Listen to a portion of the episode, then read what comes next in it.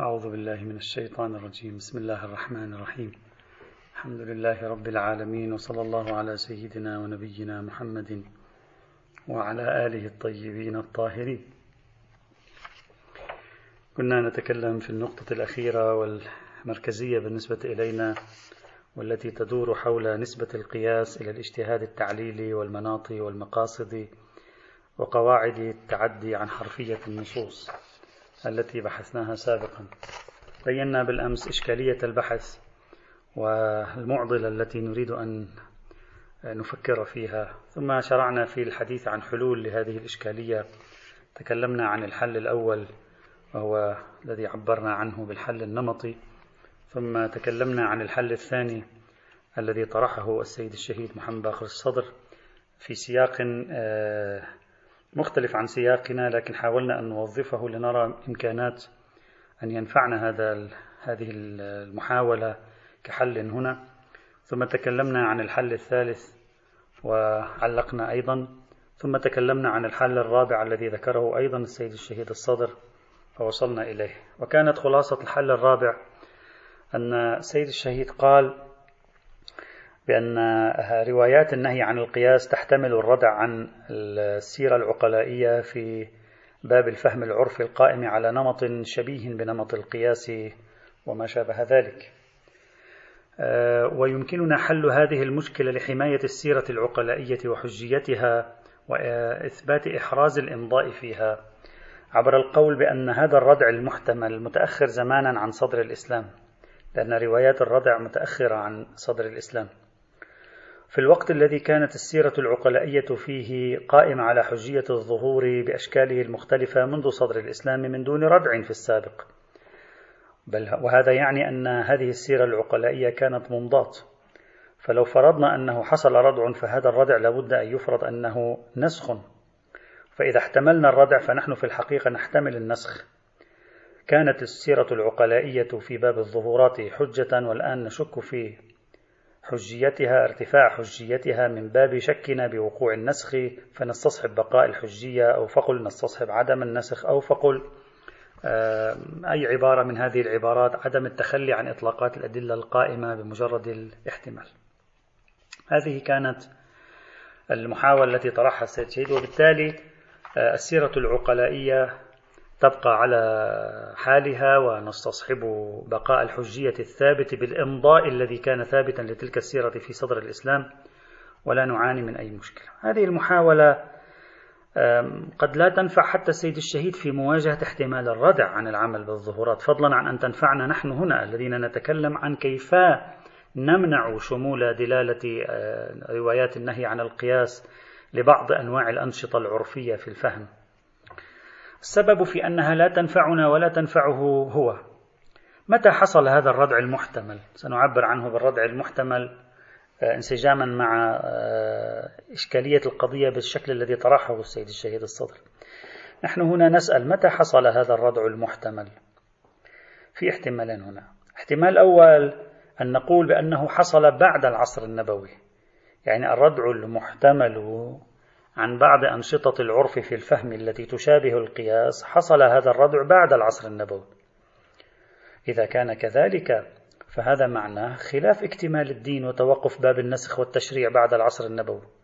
كما هو الصحيح وكما يؤمن به السيد الصدر نفسه فإن السيد الصدر على ما جاء في, بح في كتاب بحوث في علم الأصول في الجزء السابع في صفحة 30 هو بنفسه يصرح باكتمال الدين بوفاة النبي صلى الله عليه وعلى آله وسلم وأنه بعد عصر النبي لا معنى لتشريعات جديدة ولا معنى لنسخ. وإذا كان كذلك فنحن نسأله هذا الردع المحتمل متى حصل؟ إذا قلنا بأن هذا الردع المحتمل حصل بعد العصر النبوي. أصلا لا معنى هنا استصحاب البقاء الحجي أصلا لا, لا معنى لهذا الموضوع لأن قضية خطيرة من هذا النوع.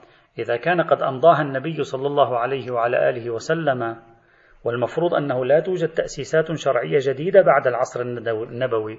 فالردع هنا أصلا غير معقول. أصلا أصل النهي عن القياس سيكون غير معقول إذا إذا إذا تفرد هذا النهي في أن يكون بعد العصر النبوي. لا معنى له في مثل هذه الحال. فلا داعي لكل تلك المحاولة التي طرحها السيد الشهيد صدر لاستصحاب البقاء والى آخره، أصلا هنا أحرزنا إمضاء هذه السيرة في زمن التشريعات حتى نهاية زمن التشريعات لا حاجة بعد إلى الاستصحابات في المقام. هذه سيرة منضاة وتكون حجة في مثل هذه الحال. ولا معنى لتأسيس نهي جديد عن سير عقلائية بعد العصر النبوي. فمفروض القضية ينبغي أن يزول. هذا هو الصحيح في معالجة هذا الموضوع. هذا الاحتمال الأول. أما الاحتمال الثاني إذا قلنا بأنه حصل في العصر النبوي يعني النهي عن الأقيسة قد صدر في العصر النبوي. ونصوص أهل البيت كاشفة عن صدوره منذ العصر النبوي ولو صدر في العصر النبوي بشكل مختصر بحيث أوكلت مهمة الاستمرار في محاربة القياس إلى أهل البيت عليهم السلام. إذا صدر الموقف الناهي عن القياس في العصر النبوي وبعض الروايات التي مرت معنا من نصوص النهي عن القياس تساعد على أنه في العصر النبوي صدر نوع من النهي عن القياس بناء على قبول تلك الروايات أيضا واضحة بعضها يعني. طيب هنا في مثل هذه الحال إذا قلنا بأنه حصل النهي عن القياس في العصر النبوي ما الذي ينبغي أن نقول؟ الصحيح هنا أنه لا توجد أدلة لا تواجه أدلة النهي عن القياس دليل الإمضاء. لماذا؟ لأننا أشرنا في محله في بحث حجية السنة في كتاب حجية السنة في صفحة 646 و 647 قلنا سكوت النبي في حياته عن شيء لا يعبر بالضرورة عن إمضاء أو عن إخبار عن أصل الشرع بل يعبر عن عدم صدور موقف شرعي بعد من هذه القضية المسكوت عنها مع احتمال صدوره فيما بعد بمعنى المسلمون في العصر النبوي كان يجوز لهم فعل هذا الأمر المسكوت عنه. لا من باب أنه قد ثبت لهم أنه قد جاءت الشريعة لتقول بأنه جائز. بل من باب عدم ورود نهي عنه بعد فإذا لا يمكنهم اكتشاف أنه جائز في أصل الشريعة التي بعث بها النبي إلا متى؟ إلا بعد أن يتوفى النبي. يعني ينتهي عصر التشريع. فإذا توفي النبي اكتشفوا حينئذ من السكوت الذي سبق وفاة النبي اكتشفوا أن هذا السكوت إمضاء. أما إذا كان السكوت حاصلا والنبي بعد لم يرحل إلى الرفيق الأعلى هذا السكوت لا يكشف عن أنه قد جعل في أصل الشرع حكم من هذا القبيل على وفق السكوت. لماذا؟ لأن المفروض أن المبدأ هو مبدأ تدريجية الأحكام. صدورا وبيانا للناس الشريعة بعد لم تكتمل. فإذا فرضنا أنا في السنة الثانية للهجرة حصل أمر معين لم يصدر فيه شيء في الكتاب الكريم ولم تأتي به سنة شريفة. لا أستطيع أن أقول إن هذا حكم الله الواقعي في شريعة الإسلام التي نزلت على رسول الله وبلغنا إياها هو هو الجواز. لماذا؟ لأن المفروض أن الشريعة ما زالت تنزل. لعل خطة الشريعة بيان هذا الحكم في السنة السادسة للهجرة. فلا أستطيع أن أن أنسب إلى الشريعة ذلك ثم أقول في السنة السادسة نسخ الحكم أو في السنة الثامنة نسخ الحكم. أصلا لم يصدر الحكم بعد. بناء على مبدأ التدريجية. إنما أعلم على أبعد تقدير أن السكوت كاشف عن الإمضاء في العصر النبوي بعد أن يرحل الرسول. بعد أن يرحل الرسول نعم صحيح. ينكشف لأن هذا أمر سكت عنه القرآن والسنة. رحل رسول الله انتهى عصر التشريع. إذا هذا يكشف عن الإمضاء في مثل هذه الحال. طيب جيد. نأخذ الصورة الثانية التي كنا نتكلم عنها. قلنا النهي عن القياس صدر في العصر النبوي. إذا احتمال الردع لاحظوا معي جيدا احتمال الردع عن هذه الطرق العرفية في الفهم احتمال الردع متى كان موجودا في العصر النبوي. قبل هذا الاحتمال يعني قبل صدور نصوص النهي عن القياس هل كان هناك إمضاء؟ لا لم يكن إمضاء. لأن المفروض أن الإمضاء إنما يكتشف برحيل النبي والمفروض قبل رحيل النبي جاء احتمال الردع. هنا نقول توفي النبي لا إمضاء قطعي مع وجود احتمال الردع فلا يمكننا استصحاب بقاء الحجية لأننا لا يقين لدينا بثبوت الحجية مع وجود احتمال الردع. إذ قبل صدور نصوص النهي عن القياس في العصر النبوي لم يكن هناك إمضاء حتى تكون هناك حجية. نعم كان يجوز لهم أن يعملوا. من باب أنه لا دليل على حكم شرعي. بعد لا أنه من باب أنه قام الدليل على على هذا الحكم الشرعي في في اللوح الواقعي للشريعة وبلغ وصدر للناس عبر الإمضاء. لا القضية ليست كذلك. إذا خلاصة الإشكال الذي أريد أن أسجله على طريقة معالجة السيد الشهيد الصدر للموضوع. أنه إذا كان السيد الشهيد الصدر يقصد أن هذا الردع المحتمل جاء بعد العصر النبوي فهذا خلاف اكتمال الدين. لا أصلا أصل الفرضية لا معنى لها في مثل هذه الحالة لا يمكن وجود ردع محتمل جاء مستأنفا بعد العصر النبوي الذي هو ليس عصر تأسيس تشريعات. فأي معنى لأن نستصحب أو نكلف خاطرنا شيئا من هذا القبيل؟ أصلا لا نأخذ بهذا التأسيس الشرعي.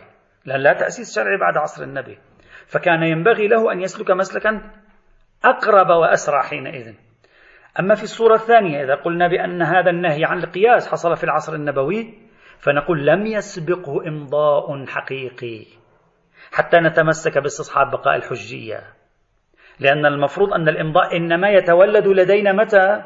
يتولد بوفاة النبي والمفروض أن وفاة النبي قد سبقها ورود روايات النهي عن القياس عنه التي تتضمن احتمال الردع. إذا لم تولد السيرة منضاطا ثم جاء احتمال الردع. بل ولدت السيرة إذا أريد لها الإمضاء مع احتمال الردع. فلا حالة سابقة في مثل المقام حتى يجري استصحابها. إذا هذه الطريقة التي عالج بها السيد الصدر من جهة لا حاجة إليها من جهة هي غير صحيحة أصلا. طبعا هذه هذا الذي نناقش به السيد الصدر هنا على إشكاليتنا نحن المسألة أوضح لأن إشكاليتنا ماذا كانت تقول؟ كانت تقول بأن نصوص النهي عن القياس شاملة لهذه الفهوم العرفية مش محتملة الشمول حتى تكون محتملة الردع في مثل هذه الحال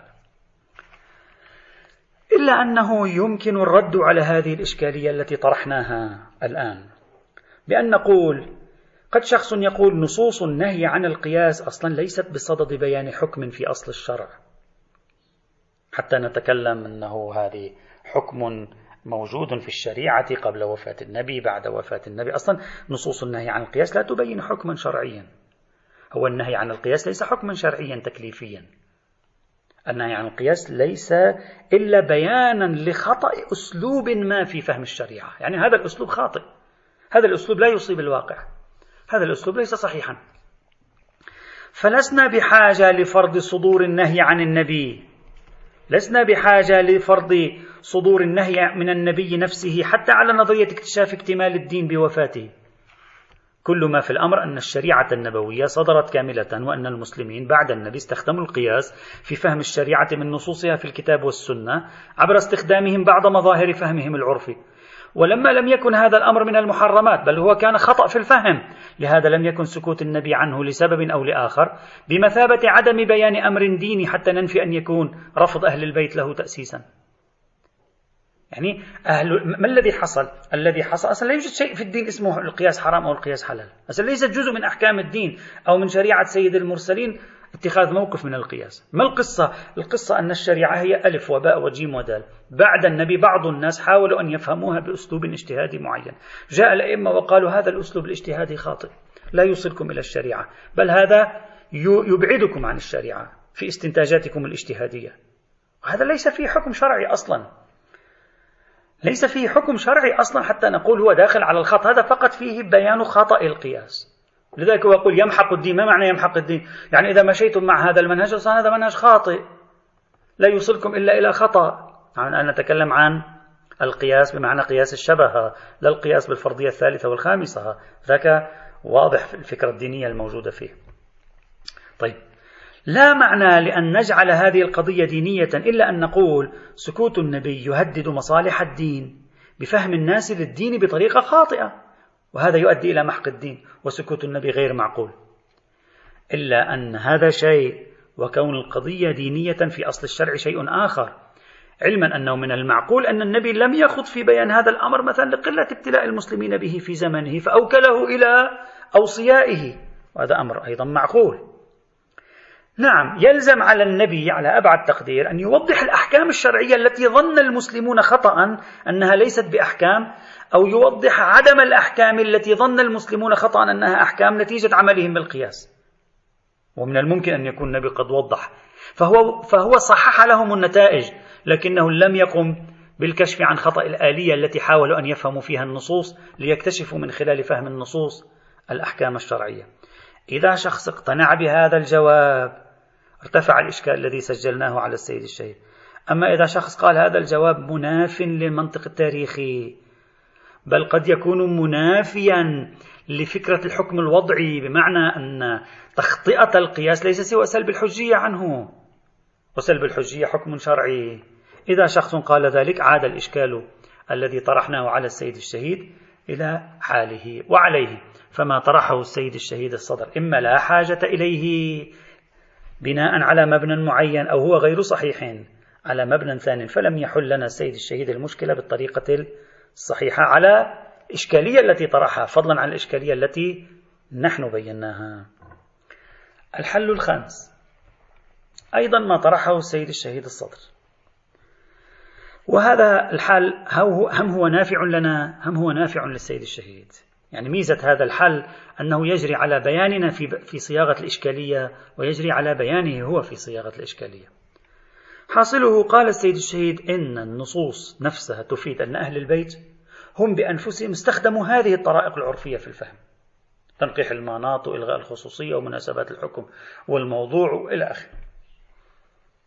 وهذا كاشف مباشر عن أن نصوص القياس لا تشمل هذه الطرائق إذ لو كانت تشمل هذه الطرائق أصلا كيف كان أهل البيت يمارسون شيئا منهيا عنه؟ هذا غير معقول. سيد الشهيد ادعى أنه توجد مصادق كثيرة لهذا الموضوع وقال جملة منها محل مناقشة سندية أو دلالية إلا أنه بمجموعها يمكن استفادة المطلب. في الجملة على حد تعبيري. سيد الشهيد يذكر ثمانية نصوص وروايات. أنا هنا فقط سوف أذكر ثلاثة لأنني لا أريد أن أطيل لأن الخمسة البقية التي طرحها السيد شيدية في تقديري ليست دالة أصلا. يعني ليست دالة على موضوعه استحضارها لم يكن في تقديري صحيحا. لذلك أحذفها اختصارا لا أريد أن نطيل في مناقشة هذا الموضوع لأنها مجرد أمثلة ذكرها السيد الشهيد كما يقول. بل أكثر من ذلك السيد كاظم الحائري في مباحث الأصول في القسم الثاني في الجزء الثاني صفحة 160 إلى 164 هو ذكر نقل هذا الذي طرحه السيد الشهيد نقله اللي هو في الحقيقة نقله عن كتاب بحوث في علم الأصول الموجود في صفحة 260 263 من الجزء الرابع.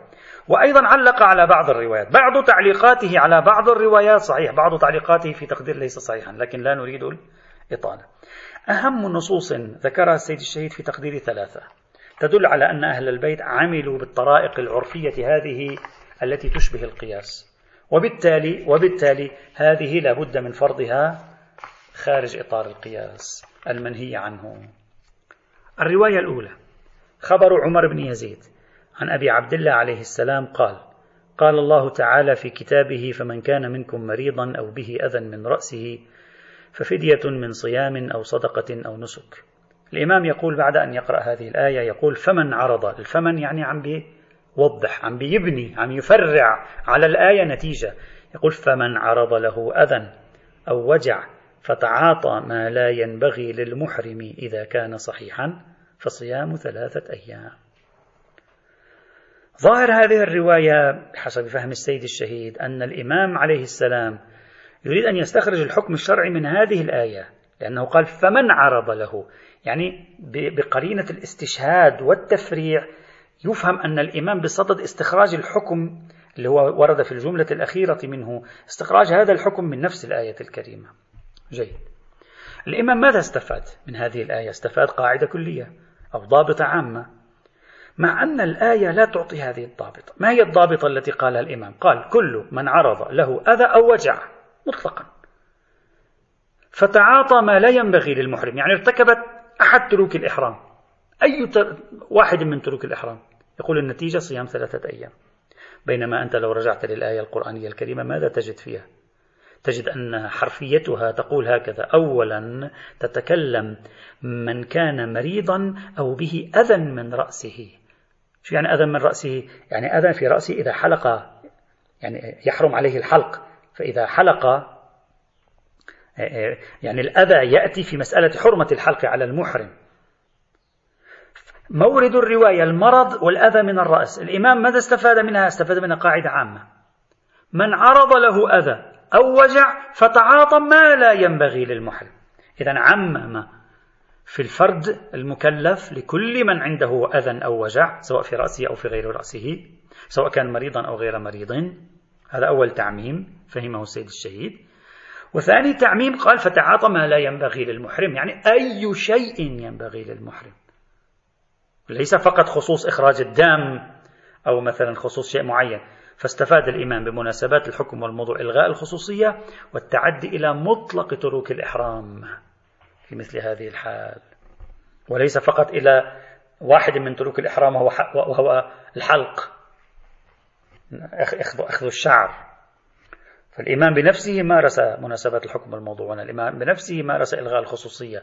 الإمام بنفسه مارس التعدي عن حرفية النص إذا هذا شاهد على صحة هذا المنهج. وبالتالي يكشف عن أن أدلة القياس لا تشمل شيئا من هذا القبيل. هذه الرواية الأولى. الرواية الثانية. خبر معاوية بن عمار قال سألت أبا عبد الله عليه السلام عن طائر أهلي دخل الحرم حيا. فقال لا يمس. لماذا؟ لأن الله تعالى يقول ومن دخله كان آمنا. سيد الشهيد كيف يفهم من هذه الرواية وأمثال هذه الرواية؟ يقول واضح الإمام هنا ألغى الخصوصية. حرفية النص تقول من دخله من فقط مختصة بذوي العقول. إذا من دخله؟ مع أن المفروض أن السؤال عن من؟ عن طائر أهلي لا يشمله من. ما معنى ذلك؟ معنى ذلك الإمام استفاد التعميم بناء على إعمال مناسبات الحكم والموضوع وإلغاء خصوصية من؟ كيف؟ فهم من القضية أن النكتة هنا كرامة البيت وحرمة البيت لا خصوصية من دخل البيت. فلا فرق حينئذ بين أن يكون الذي دخل البيت عاقلا أو غير عاقل. فإن عدم أمنه مناف لكرامة البيت. وما شابه ذلك. والمقام. إذا هنا أيضا الإمام أجرى مناسبات الحكم والموضوع. هذه الرواية الثانية. الرواية الثالثة والأخيرة التي أذكرها هنا خبر محمد بن مسلم قال سألت أبا عبد الله عليه السلام عن الرجل كانت له جارية فأعتقت فزوجت فولدت. أيصلح لمولاها الأول أن يتزوج ابنتها؟ شخص كان عنده جارية أعتقها تزوجت جابت ولد من زوجها. هل مولاها الأول يصلح له أن يتزوج من ابنتها التي أتت بها بعد أن تزوجت. هو المفروض أنها تزوجت بعد العتق. قال لا هي حرام وهي ابنته والحرة والمملوكة في هذا سواء. ثم قرأ هذه الآية وربائبكم اللاتي في حجوركم من نسائكم اللاتي دخلتم بهن. طيب الربائب الربيبة معروفة من هي الربيبة؟ الربيبة هي ابنة الزوجة. بينما هنا هذه ليست ابنة الزوجة. هذه لا, ليست ابنة الزوجة هذه ابنة مملوكة. ابنة منكوحة بنكاح صحيح. فالإمام ألغى الخصوصية في الربائب عن ابنة الزوجة ليعممها إلى ابنة المملوكة التي تزوجها يريد التزوج بها بعد أن صارت ابنتها بعد العتق. أصلا خروج عن مدار النص خروجا تاما أصلا في المقام إذا أردنا أن نوضح أكثر أكثر مما أوضح السيد الشهيد. فإذا هذه الروايات الثلاث ومثلها روايات أخرى سيد شيد يقول هذه قد تشكل دليل أو تأييد على الأقل حسب تعبيره هو. تأييد في الموضوع أن هذه الطرق خارجة عن آه، دائرة نصوص النهي عن القياس وبالتالي لم تعد نصوص النهي عن القياس بالتي تحتمل الردع. فإذا السيرة العقلائية سالمة عن احتمال الردع في المقام. هذا الكلام الذي ذكره السيد الشهيد هنا جميل جدا هو من أفضل الحلول الذي يمكنه أن يفكك ما بين أدلة النهي عن القياس ويساعد أدلة النهي عن القياس والبحث آه، في المقام. إلا أن مشكلة هذا الحل أنه يحتاج إلى تتبع واسع حتى نحصل على وثوق باستخدام أهل البيت. هذا المنهج في فهم النصوص على نطاق واسع مش حالات استثنائية قد يكون لها خصوصيات طارئة. ثلاث شواهد وأربع شواهد وخمس شواهد هذه لا تكفي تحتاج إلى جمع كم كبير من النصوص حتى نقول مسار أهل البيت في التعامل مع نصوص الكتاب والسنة كان هذا المسار. إذا تم ذلك فهذا في تقديري ممتاز جدا. لكنه يحتاج إلى تتبع ولا, نحن ولا ولسنا بصدد الإطالة هنا. إذا لم يتم ذلك بقيت ثلاث أربع روايات فقط. حينئذ من الصعب أن آه، نرفع بها احتمالية الردع. لاحتمال خصوصية فيها لاحتمال إشارة ما. نظرا لقلتها وندرتها فضلا عن تحصل لنا اطمئنانا بصدورها إذا كانت قليلة جدا. فهذا الحل في تقدير كبرويا جيد غير أن المادة التي ينبني عليها هذا الحل تحتاج إلى الكثير من العمل آه الذي لم يقم به السيد الشهيد ولا نريد أن نقوم به وإنما هو كان بصدد ذكر الخلاصات يعني عصارة الفكرة. الحل السادس. هذه الحلول المتصورة في المقام. نصل إلى الحل السادس وهو الحل المختار الذي أعتبره الحل المختار الذي أريد أن أطرحه في هذا المقام. هذا الحل يتضمن أسلوبين يعني يمكن أن آه، نضع حلا لهذا من خلال أسلوبين. كل أسلوب هو يمثل حلا في حد نفسه أيضا. الأسلوب الأول. أن ندعي كما قلنا سابقا بناء على مسلك الوثوق الاطمئناني أنه أصلا لم يثبت لدينا بدليل واضح, بدليل واضح شمول أدلة النهي عن القياس لقياس الشبه فضلا عن قياس العلة. الروايات في ذلك قليلة جدا ثمة مشاكل في متونها أيضا ثمة مشاكل في أسانيدها. تحدثنا عن هذا الموضوع. إذا شخص قال أنا لا يحصل لي وثوق اطمئناني بصدور نصوص النهي عن قياس الشبه فضلا عن قياس العلة وأن الأغلبية الساحقة من الروايات إنما هي ناظرة إلى القياس بالفرضية الثالثة والخامسة إذا شخص قال ذلك أصلا لا مشكلة في المقام حتى نبحث لها عن حل. لأن المفروض أن السيرة العقلائية القائمة على طرائقها في الفهم تم تبريرها مسبقا ولا يوجد معارض لها فلا حاجة لأن نبحث عن حل بعد. فهذا في الحقيقة هذا الأسلوب هو إلغاء المشكلة من رأس لا الإقرار بالمشكلة والسعي لحل لها. هذا حل جذري. منسجم مع ما توصلنا إليه سابقا. الأسلوب الثاني. أن نلتزم بأن نصوص النهي عن القياس. لا. هذه النصوص تثبت لنا نهيا عن قياس الشبه وأمثاله مثلا. كيف يمكن إيجاد حل؟ طيب إذا نصوص النهي عن القياس قياس الشبه وأمثاله روح قياس الشبه موجود في الطرائق العرفية هذه مسمات عندكم بتنقيح المناط والاستقراءات ومذاقات والتعليلات إلى آخره. هي نفس العملية نفس الذهنية. إذا كانت هذه النصوص ناظرة إلى قياس الشبه وقياس العلة وأمثالهما كيف نستطيع أن نخرج كل تلك القواعد التي أتعبنا أنفسنا فيها منذ بداية هذا العام؟ يمكن لي أن أخرج الموقف من خلال آه، تسلسل نقاط أرجو الانتباه إليها جيدا. النقطة الأولى. لقد لاحظنا أن الأغلبية الساحقة من نصوص النهي عن القياس أو الأغلبية نصوص النهي عن القياس ظهرت في القرن الثاني الهجري. وهذا يؤكد لنا أنها ناظرة لظاهرة عرفت واستجدت في هذا القرن.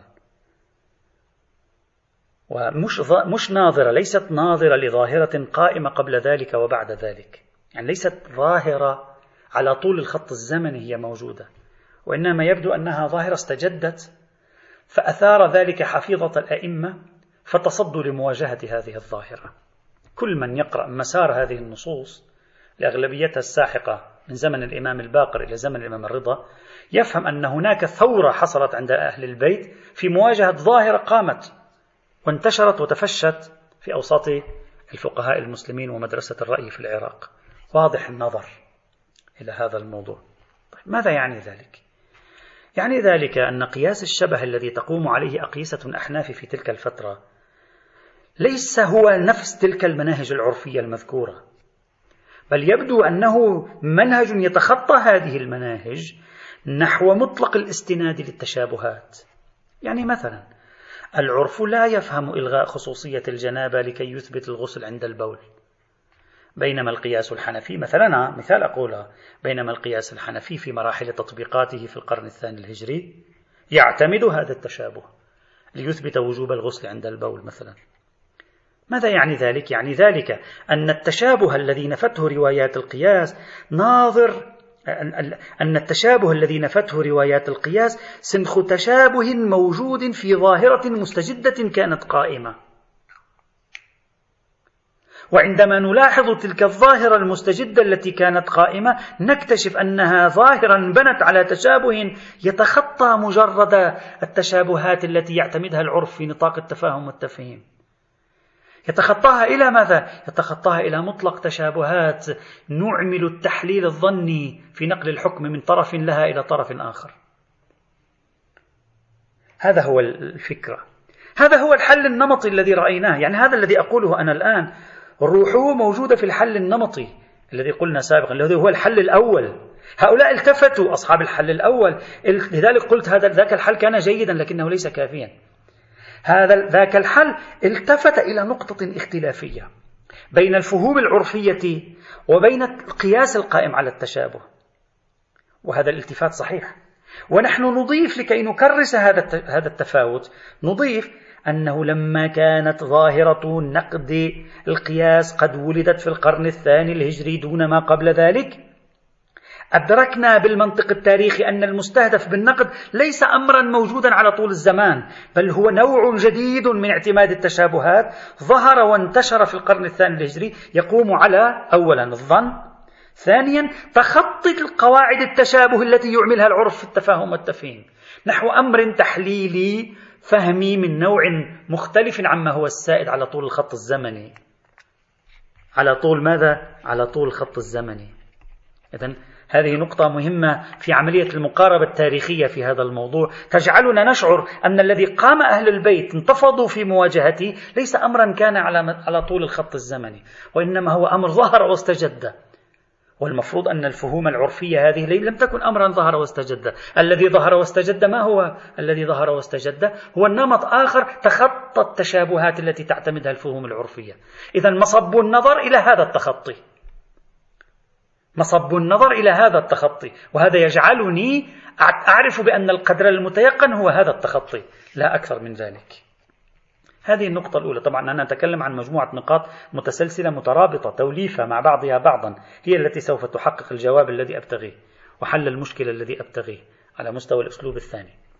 النقطة الثانية. هذا الكلام الذي قلناه قبل قليل جميل لكن المشكلة الأساسية التي تواجهنا هنا كما شرحناها من قبل هي أن نصوص النهي عن القياس تنسف مبدأ التناظر والتشابه. إذا فهي تهدم حتى لو لم تقصد هي تهدم عمليا مناهج الفهوم العرفية التشابهية. مثل مناسبات الحكم بالموضوع وإلغاء الخصوصيات وما شابه ذلك. كيف كيف نحل هذه المشكلة؟ ما معنى هذا الكلام؟ أرجو الانتباه جيدا لأن هذا الموضوع جدا الآن مهم. ما معنى هذا الكلام؟ يا أخي لنفرض لنفرض أن النظر روايات النهي عن القياس إلى تلك الظاهرة المستجدة. ما, ما في مشكلة. لكن روايات النهي عن القياس لما حللناها اكتشفنا أن هناك عمودا عظيما تنسفه عن ذكرة أبيه. هذا العمود العظيم ما هو؟ أن الشريعة قائمة على تفريق المؤتلفات. تضعه تضعه. وهو أن الشريعة قائمة على تفريق المؤتلفات وتأليف المفترقات. تضع أساسا أن الشريعة قائمة على تفريق المؤتلفات وتأليف المفترقات. طيب هذا هذا الأساس الذي تضعه روايات النهي عن القياس. على النقيض من الروايات التي تقول على النقيض من فلسفة القياس التي التي تقول إن الشريعة قائمة على تأليف المؤتلفات وتفريق المتفرقات. يعني على مبدأ التشابه والتناظر. دعوني أوضح المسألة أكثر.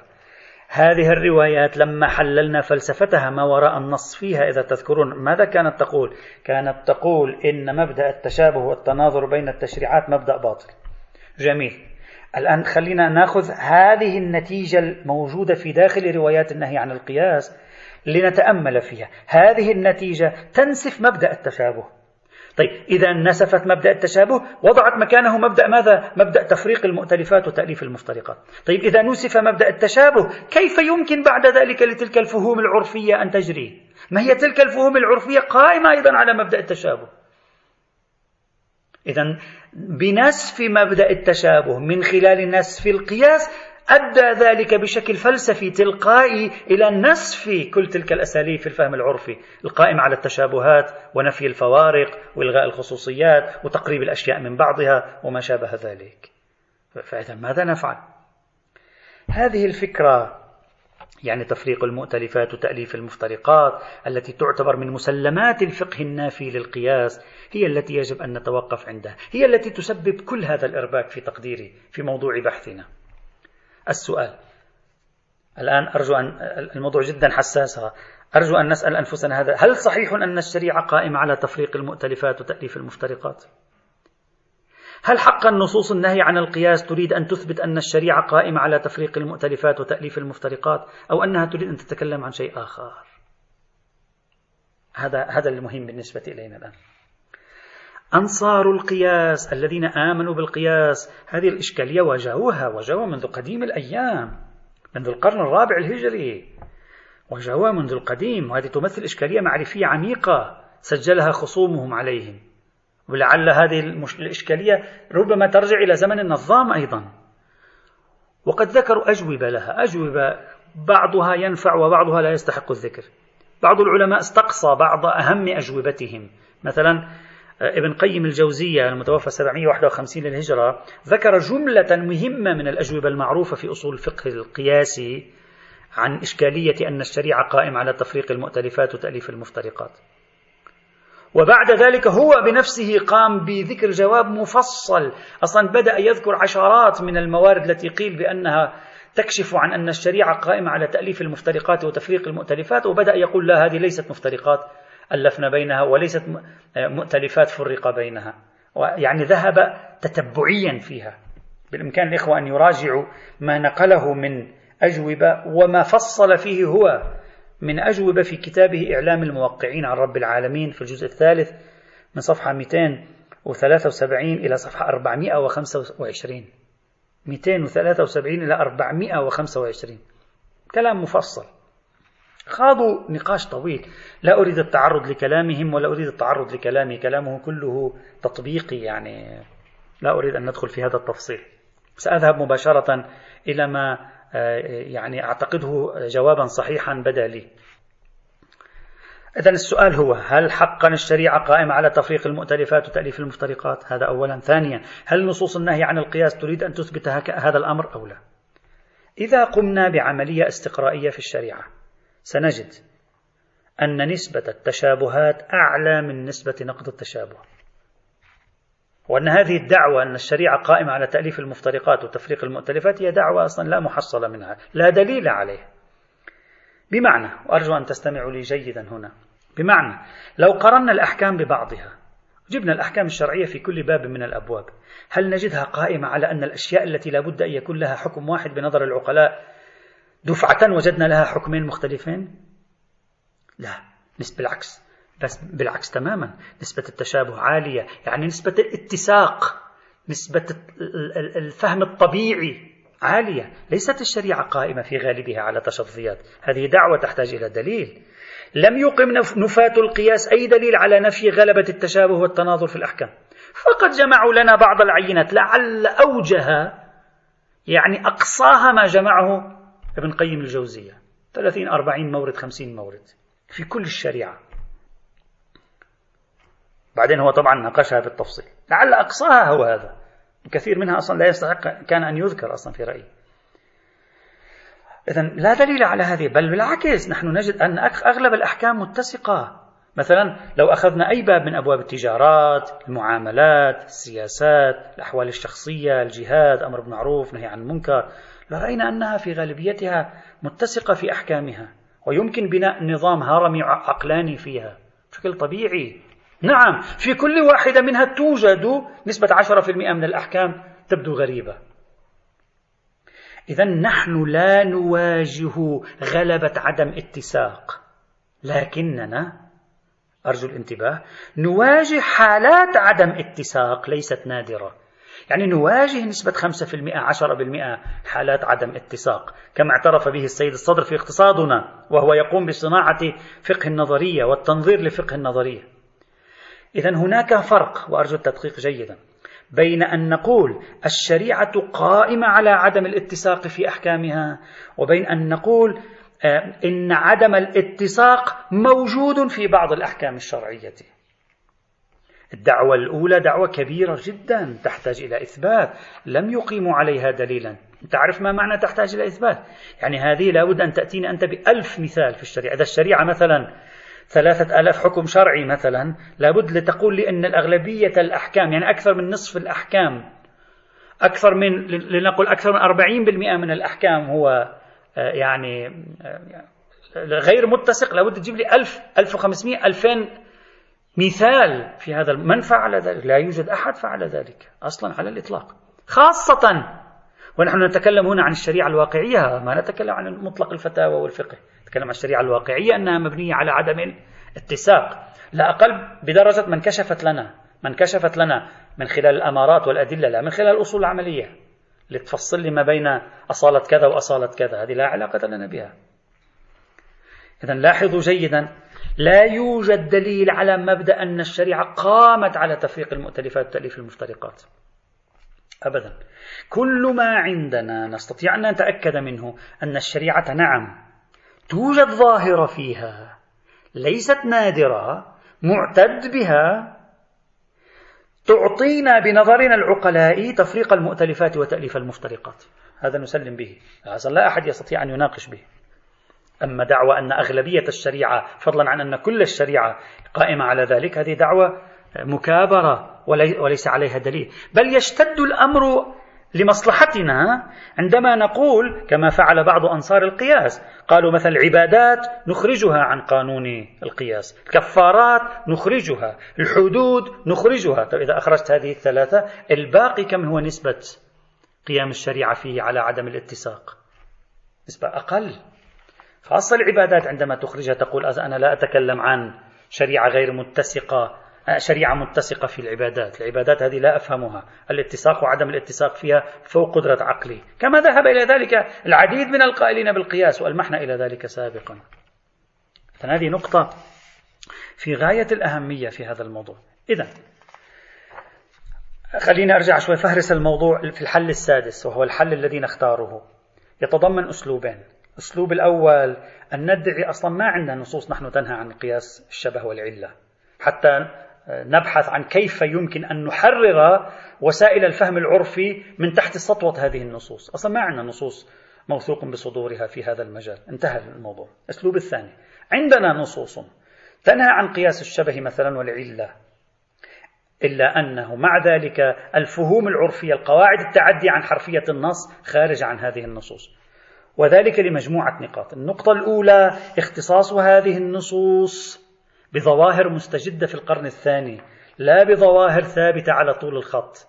وهذه الظواهر المستجدة هي شيء فوق دائرة قواعد التعدي عن النصوص عن حرفيات النصوص عرفا. هذا أولا ثانيا المشكلة المركزية التي نواجهها هنا هي أن روايات النهي عن القياس تنسف مبدأ التشابه.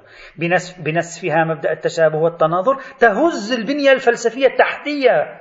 لقواعد الفهم العرفي الذي ينبني على أو, أو, أو, أو يعمل على التعدي عن حرفية النص فماذا نفعل؟ هنا نوجه سؤالا أعمق نقول هل حقيقة الشريعة مبنية على تفريق المؤتلفات وتأليف المفترقات؟ هل فعلا نصوص النهي عن القياس تريد إثبات حقيقة من هذا القبيل أو لا؟ الجواب عن السؤال الأول ما في دليل بل بالعكس مقتضى الأشياء الموجودة أن الشريعة متناسقة عقلانيا ولاحظوا الجهود التي بذلت خلال المئة سنة الأخيرة في عند علماء الإسلام كيف فعلا استطاعوا أن يتصوروا الشريعة بدرجة كبيرة جدا متناسقة عقلانيا وليست مبعثرة غريبة فجة آه، فجة عقلانيا بالنسبة لمستوى العقل البشري. لا ليس الأمر كذلك. نعم توجد ظاهرة عدم اتساق ولا يمكن الاستخفاف بها. طيب الآن يأتينا السؤال الأكثر خطورة. بعد أن قررنا أن هذه الدعوة التي تقول الشريعة مبنية على تأليف المفترقات تفريق المؤتلفات التي اشتهرت في كلماتهم هي دعوة غير صحيحة لا دليل عليها بمعنى الغلبة الآن يأتي السؤال. ما معنى نصوص النهي عن القياس حينئذ؟ ماذا تريد أن تقول لنا إذا نصوص النهي عن القياس؟ إذا كانت الشريعة في أغلبيتها قائمة على مبدأ الاتساق إذا أليست نصوص النهي عن القياس تريد أن تنفي مبدأ التشابه والتناظر؟ كيف يمكن تعقل نصوص النهي عن القياس؟ وهي تعلن بوضوح عدم الاتساق عندما تفرق بين ديات الأصابع بين البول والمني بين قضاء الصلاة والصوم بين التضليل في الخباء وعلى المحمل. هذه أليس أليست تعلن أن الشريعة مبنية على عدم التشابه؟ طيب نحن بالاستقراء لم نستطع إثبات أن الشريعة مبنية على عدم التشابه. لكن أليست نفس نصوص النهي عن القياس تنبئني أن الشريعة مبنية على عدم التشابه؟ هي بنفسها لما تطرح هذه الأمثلة ألا تريد أن توصل لي هذه الرسالة أن الشريعة مبنية على عدم التشابه؟ هذا السؤال الآن. الجواب. إنما أفهمه وأرجو التأمل جيدا في هذا الموضوع إخواني الأعزاء أن النهي عن القياس لم يكن لأجل إثبات مبدأ التفريق بين المؤتلفات والتأليف بين المفترقات بوصفه المبدأ الحاكم على الشريعة. لا أبدا. النهي عن القياس ونسف التشابهات في مقام المحاججة مع القائسين لم يرد منه إثبات أن الشريعة قائمة على عدم التشابه. بل انتبهوا لإثبات أن هذا التفريق يعني مبدأ تفريق المؤتلفات موجود في الشريعة. هذا الذي تريد أن تقوله رواية نهي عن القياس. فرق بين أن تقول الشريعة مبنية على التأليف والتفريق وبين أن تقول الشريعة فيها مواضع ألفت فيها المفترقات وفرقت فيها المؤتلفات. الذي تريده روايات النهي عن القياس هو الثاني لا الأول الأول مخالف للواقع. طيب ماذا يعني هذا الكلام منطقيا؟ يعني سبب النهي عن القياس يرجع حينئذ لكونه لا ينتج اليقين من مطلق التشابه. هذه هي الفكرة. ظنية القياس هي الفكرة. أنكم تعتمدون يا جماعة أنتم أيها القائسون تعتمدون على التشابه. والشريعة بنسبة عشرة عشرين بالمئة منها قائمة على اللا تشابه. فإذا وضعت إصبعك على مورد وأردت أن تسر الحكم من ألف إلى باء نتيجة التشابه كم هو احتمال سراية الحكم؟ احتمال سراية الحكم 80% إذا هذا ظن. والظن هذا يخطئ ولا يغني من الحق شيئا يخطئ ويصيب ولا يغني من الحق شيئا ولذلك هو يمحق الدين على المدى البعيد. ولذلك لا يقع في يوقع في مشاكل على المدى البعيد. هذا هو الذي تريده رواية الله. ولذلك وجدنا أن الأئمة دائما كانوا يذكرون بعض الأمثلة دائما يكررونها. لم يكن همهم أن يكثروا الأمثلة. أربع خمس أمثلة دائما كانت تتكرر في الروايات. لأنه لم يكن بصدد أن يأتي بمئات الأمثلة ليقول إن الشريعة قائمة على تفريق المؤتلفات. بل يريد أن يقول إن الشريعة تشتمل على تفريق المؤتلفات. لا أنها قائمة على تفريق المؤتلفات. وبما أنها تشتمل إذا فالقياس لا يكون وسيلة موضوعية معرفية وإنما ليس سوى ظن أو تخمين. ليس سوى ظن أو تخمين والظن لا يغني من الحق شيئا. إذا سبب النهي عن القياس يرجع لكونه لا ينتج اليقين من مطلق التشابه. إذا الشريعة ولو بنسبة 10 20 30% قائمة على نقد مبدأ التناظر والتشابه. التشابه إذا لا ينتج يقينا بانتقال الحكم من الأصل إلى الفرع ما معنى هذا الكلام؟ معناه أن نقد القياس عند أهل البيت يرجع لنقد نظرية الظن والتخمين لا لأن أغلب الأقيسة غير مطابقة للواقع بل لكون الأقيسة مخاطرة فيها نسبة معتد بها من عدم المطابقة للواقع والظن لا يغني من الحق شيئا بل الظن هادم للدين فالتعدية ظنية إذا المعضلة أين كانت؟ المعضلة كانت اعتماد مناهج ظنية تخمينية لا يمكن الاعتماد عليها في بناء فهم الشريعة. الشريعة لا, لا تبنى إلا على العلم والمعرفة كما قررنا ذلك في بحث حجية الحديث. إذا أولا الاستقراء لا يعطيهم أن الشريعة قائمة على مبدأ تفريق المؤتلفات بل يعطي أن الشريعة مشتملة على مبدأ تفريق المؤتلفات في الجملة. ثانيا نصوص النهي عن القياس لا تريد أن تقول أصلا لا يعلم يكفيني أن أقول لا يعلم أنها تريد أن تقول بأن غالب الشريعة مبني على عدم التشابه بل تريد أن تقول حيث إن الشريعة سنخ شريعة في جملة معتد بها من مواردها قائمة على مبدأ عدم التشابه إذا أنت لا يمكنك أن تعتمد مبدأ التشابه لكي تنتقل من, من, من ألف إلى باء. لأن هذه وسيلة الانتقال هذه تمثيل والتمثيل ليس منطقيا لا يعطي يقينا لا يعطي معرفة موضوعية حتى عرفية عقلائية. هذا محض ظن وتخمين. لا يمكن, لا يمكن به بناء شريعة أو بناء فهم للشريعة. إذا معنى ما نقول أن الشواهد التي قدمها أهل البيت عليهم السلام في المحاججات لنسف مبدأ القياس تثبت أن القياس ليس وسيلة معرفية منطقية صحيحة. غالبه على أحسن حال يوجب الظن. ولهذا وجدنا أنهم لم يجهدوا أنفسهم في ذكر عشرات الأمثلة بل اكتفوا بأربع خمس أمثلة كرروها عشرين مرة. لأن لم يكن هدفهم إثبات غلبة عدم الاتساق بل كان هدفهم نفي كلية الاتساق. الأمر الذي يهدم البنية المنطقية للقياس ويضعه في سياق التمثيل. وإذا وضع في سياق التمثيل لم يعد يقينيا حينئذ. من هذه هي الفكرة. في هذا الموطن الآن. هل حلينا المشكلة؟ بعد ما حلينا المشكلة. لماذا؟ لأنه الآن سيأتيني هذا السؤال. لماذا تم؟ طيب سلمنا معك مولانا سلمنا معك المشكلة ما هي؟ السؤال لماذا تم النهي عن القياس الحنفي ولم يتم النهي عن الفهوم العرفية القائمة على التشابه؟ ما دامت مشكلة القياس هي الظن والمفروض أن نفس هذه المشكلة موجودة في الفهوم العرفية. فأنت ما حليت لنا شيء بعد مولانا.